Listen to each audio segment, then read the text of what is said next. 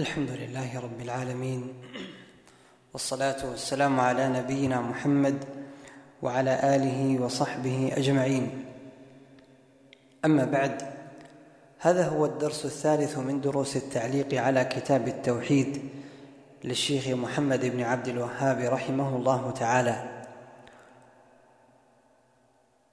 قال رحمه الله باب الخوف من الشرك. لما تكلم المؤلف عن التوحيد ومعناه وفضيلته تكلم بعد ذلك على نقيضه. ليسعى الإنسان لتوحيد الله وليحذر وليخاف من الشرك.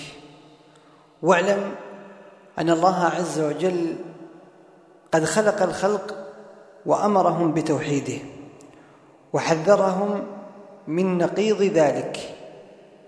وذكر ثواب من وحده وخوف من خالف أمره. والله عز وجل قد خلق الخلق وفطرهم على التوحيد.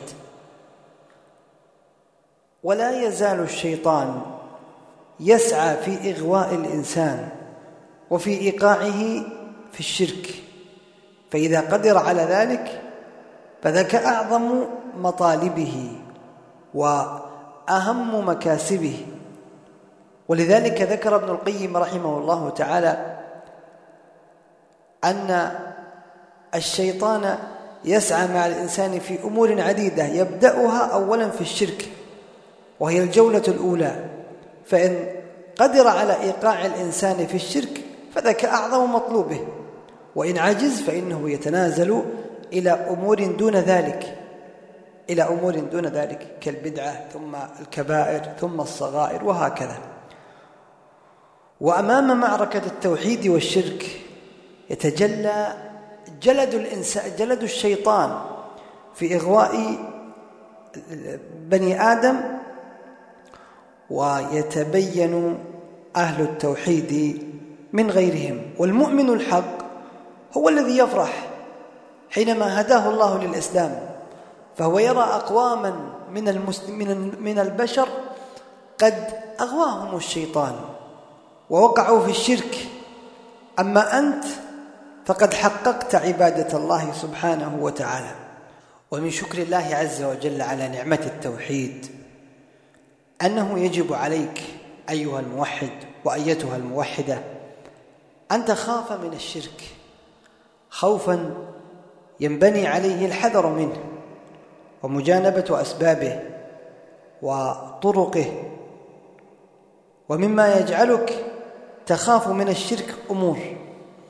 أولها أن الله عز وجل لا يغفر الشرك فهو سبحانه وتعالى قد يغفر الذنوب الكبائر.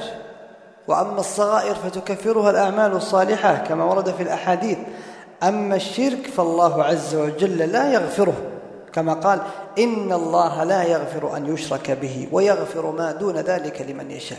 وهذا بحد ذاته كافي في أن تسعى إلى أن تحذر من الشرك وأن لا تقع فيه وأن لا تقع فيه. وهنا يتكلم العلماء ما المراد بالشرك الذي لا يغفره الله؟ هل هو الشرك الأكبر أو الشرك الأصغر؟ قول أو هل هو الشرك الأكبر فقط أو الشرك الأكبر والأصغر؟ قولان. لأهل العلم. وعلى كل حال فبغض النظر عن ذلك فهذه الآية دليل على أنه يجب على الموحد أن يخاف من الشرك. الأمر الثاني مما يجعلك تخاف من الشرك أن سادات الأولياء والأنبياء خافوا من الشرك ودعوا الله عز وجل أن ينجيهم منه. وكم ترى من إنسان يقول نحن أهل التوحيد ونشأنا على التوحيد ورضعناه مع لبن الأمهات. نحن موحدون فطرة نحن بعيدون عن الشرك. لا إبراهيم عليه السلام دعا الله وخاف من الشرك وقال واجنبني وبني أن نعبد الأصنام. ولذلك قال إبراهيم التيمي ومن يأمن البلاء بعد إبراهيم؟ وهنا سؤال كم نصيب دعاء توحيد دعاء تحقيقنا للتوحيد؟ كم نصب ذلك من دعائنا؟ كم ندعو الله عز وجل في صلواتنا وأوقات دعواتنا أن يعصمنا الله من الشرك؟ إبراهيم عليه السلام دعا الله عز وجل بذلك ونحن حري بنا أن نقتدي به عليه الصلاة والسلام. ومما يجعلك تخاف من الشرك أن الشرك قد خافه النبي صلى الله عليه وسلم على أمته بل هو أو أعظم أمر خافه على أمته. كل هذا لأنه خطير ولأنه قد يقع الإنسان فيه فيحبط سائر أعماله. قال النبي صلى الله عليه وسلم أخوف ما أخاف عليكم الشرك الأصغر. فسئل عنه فقال الرياء. فالشرك كله ينبغي على الإنسان أن يخافه. لكن الذي قد يقع فيه الإنسان وهو لا يشعر الشرك الأصغر شرك الرياء الذي فيه التفات للمخلوق حينما يعمل العبد العمل الصالح. فهو يقوم ويصلي وفي قلبه أنه يبحث عن مدح الناس ومراعاتهم. هذه بس هذه هذه يسيرة في نظر الإنسان لكنها عظيمة في حق الله سبحانه وتعالى فكيف تلتفت لغيره وهو الذي خلقك؟ ومما يجعلك أيضا تخاف من الشرك أن من مات عليه فإنه سيدخل النار. أن من مات عليه فإنه سيدخل النار. كيف؟ الموحد مآله إلى الجنة. الموحد الذي لم يقع في شيء من الشرك مآله إلى الجنة وإن عذب في النار بقدر ذنوبه الكبائر إن لم يتب الله عليه. أما المشرك فإنه لا فإنه سيدخل النار كما ورد في الآية كما ورد في الحديث من مات وهو يدعو من دون الله ندا دخل النار. وفي الحديث الآخر من لقي الله لا يشرك به شيئا دخل الجنة ومن لقيه يشرك به شيئا دخل النار. والند هو النظير والشبيه والمثيل. واتخاذ الند يكون بأن تتخذ مع الله عز وجل مثيلا ونظيرا تصرف له شيئا من أنواع العبادة. إذا وقعت في هذا فأنت قد وقعت في الشرك. وإذا وقعت في الشرك فإنك ستدخل النار. إن لم تتب إلى الله عز وجل. قال الله عز وجل إنه من يشرك بالله. إنه من يشرك بالله. فقد حرم الله عليه الجنة ومأواه النار وما للظالمين من أنصار. إذا أيها الموفق وأيتها الموفقة هذه نصوص تجعل الإنسان دائما يراجع نفسه يراجع أعماله يراجع من حوله يراجع سائر أحواله في تعبده في قوله وفعله واعتقاده ليسعى إلى أن يكون ذلك كله خالصا لله لا يقع في شيء من الشرك فالشرك أمره خطير وذنبه عظيم و على الإنسان أن يسعى إلى أن يخاف منه وأن يدعو الله عز وجل أن يسلمه منه وأن يتبرأ هو من الشرك من من الشرك ومن أفعال الشرك ومن أهل الشرك. أسأل الله تعالى أن يعصمنا من الشرك صغيره وكبيره. الباب الثاني باب الدعاء إلى شهادة أن لا إله إلا الله. إذا حقق المسلم التوحيد وعبد الله عز وجل على بصيرة ونأى بنفسه عن الشرك صغيره وكبيره. فإن من أعظم الواجبات على المسلم أن يسعى إلى أن يدعو الناس إلى شهادة أن لا, أن لا إله إلا الله. ذلك أن الإنسان عليه في حياته أربع واجبات. العلم أو ثلاث واجبات العلم والعمل والدعوة. العلم أن يتعلم ليتعبد وليعمل ثم العمل بما تعلم ثم الدعوة إلى ما تعلمه. وهنا تأتي أهمية الدعاء إلى شهادة أن لا إله إلا الله وإلى توحيد الله لأن النبي صلى الله عليه وسلم قد أرسله الله عز وجل إلى الناس كافة ليدعوهم إلى توحيد الله. ولما مات عليه الصلاة والسلام بقي الأمر متعلقا في أتباعه فوجب على أتباعه أن يدعو الناس إلى توحيد الله سبحانه وتعالى.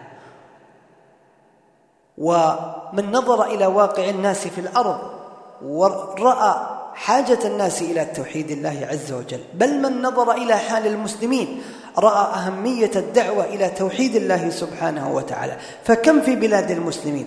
من قبور ومن أضرحة ومن مزارات تزار ويتقرب بها لغير الله سبحانه وتعالى. كم ترى من المسلمين من يحلف بغير الله من يتوسل إلى غير الله من ينحر ويذبح ويخاف ويرجو وي ويحب حبا حب تعظيم غير الله سبحانه وتعالى. إذا فالمسلمون بحاجة إلى أن يتنادوا إلى دعوة الناس إلى توحيد الله وإنقاذهم من الضلالة إلى الهداية ومن الظلم ومن الظلام إلى النور. كما فعل محمد صلى الله عليه وسلم. والناظر إلى دعوة محمد صلى الله عليه وسلم يتجلى له أنه عليه الصلاة والسلام قد اعتنى بغرس التوحيد في قلوب الصحابة. فالدعوة المكية حينما بقي النبي صلى الله عليه وسلم ثلاث عشرة سنة يدعو إلى التوحيد ويغرس ذلك في نفوس الصحابة مرة بعد مرة. لم تأتي الواجبات ولم تأتي الفرائض والعبادات إلا في المدينة. ما عدا الصلاة فإنه أمر بها قبل أن يهاجر. كل تلك السنوات كانت منه عليه الصلاة والسلام دعوة إلى التوحيد دعوة إلى تعظيم الله دعوة إلى أن لا تصرف الأمور إلا إلى الله سبحانه وتعالى. إذا نحن بحاجة إلى أن نغرس ذلك في نفوسنا وإلى أن نشتغل به في من حولنا مع المسلمين ومع أبنائنا ومع جيراننا ومع الناس جميعا أن ندعو الناس إلى شهادة أن لا إله إلا الله. وفضيلة ذلك تتجلى فيما ذكره المصنف رحمه الله تعالى. فالداعية إلى شهادة أن لا إله إلا الله وإلى التوحيد يناله هذه الأمور التي وردت في هذه في هذا الباب. أولا قل هذه سبيلي أدعو إلى الله على بصيرة أنا ومن اتبعني وسبحان الله وما أنا من المشركين. الداعية إلى توحيد الله عز وجل هو سالك لطريق النبي صلى الله عليه وسلم فسبيله دعوة الناس إلى الله عز وجل على بصيرة ودعوة الناس إلى توحيد الله والتجن وتجنب الشرك.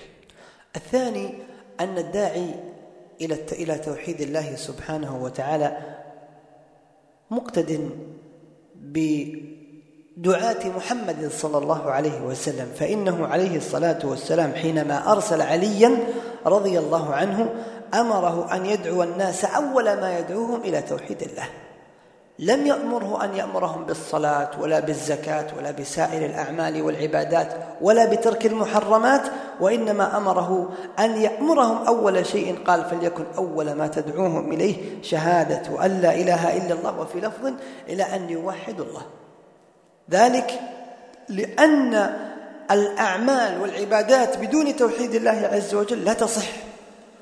ولأن الإنسان إذا تعبد لله على التوحيد نجا وسلم بإذن الله عز وجل ولذلك كانت وصية النبي صلى الله عليه وسلم لعلي أن يكون أول خطوة يعملها مع أهل اليمن أن يدعوهم إلى التوحيد. وثالث النصوص التي تدل على فضيلة الدعاء إلى توحيد الله سبحانه وتعالى ما ورد في حديث سهل بن سعد رضي الله عنه أن النبي صلى الله عليه وسلم قال يوم خيبر لعلي انفذ على رسلك حتى تنزل بساحتهم ثم ادعهم إلى الإسلام وأخبرهم بما يجب عليهم من حق الله فيه. وحق الله عز وجل ما ورد في حديث معاذ قال يا معاذ أتدري ما حق الله على العباد؟ قال الله ورسوله أعلم. قال حق الله على العباد أن يعبدوه ولا يشركوا به شيئا. إذا دعا الإنسان والداعية الناس إلى هذا الأمر فسلموا ووحدوا الله عز وجل وتعبدوا لله على بصيرة فإنه له مثل أجورهم مهما عملوا من الطاعات وله خ وذلك له خير من حمر النعم كما قال عليه الصلاة والسلام لأن يهدي الله بك رجلا واحدا خير لك من حمر النعم. خلاصة الأمر أيها الكرام أن على الإنسان أن يعتني بدعوة الناس إلى توحيد الله عز وجل قدر طاقته بأقواله وأفعاله بهديته بكتاب بكلمة بغير ذلك. أن يسعى إلى إنقاذ الناس من براثن الشرك وأن, يسل وأن ينقذهم حتى يتعبدوا لله سبحانه وتعالى على توحيده وعلى أن يعبدوا الله سبحانه وتعالى على بصيرة. أسأل الله أن يوفقنا وإياكم لتوحيده وللبراءة من الشرك وأهله. والله أعلم. وصلى الله وسلم على نبينا محمد.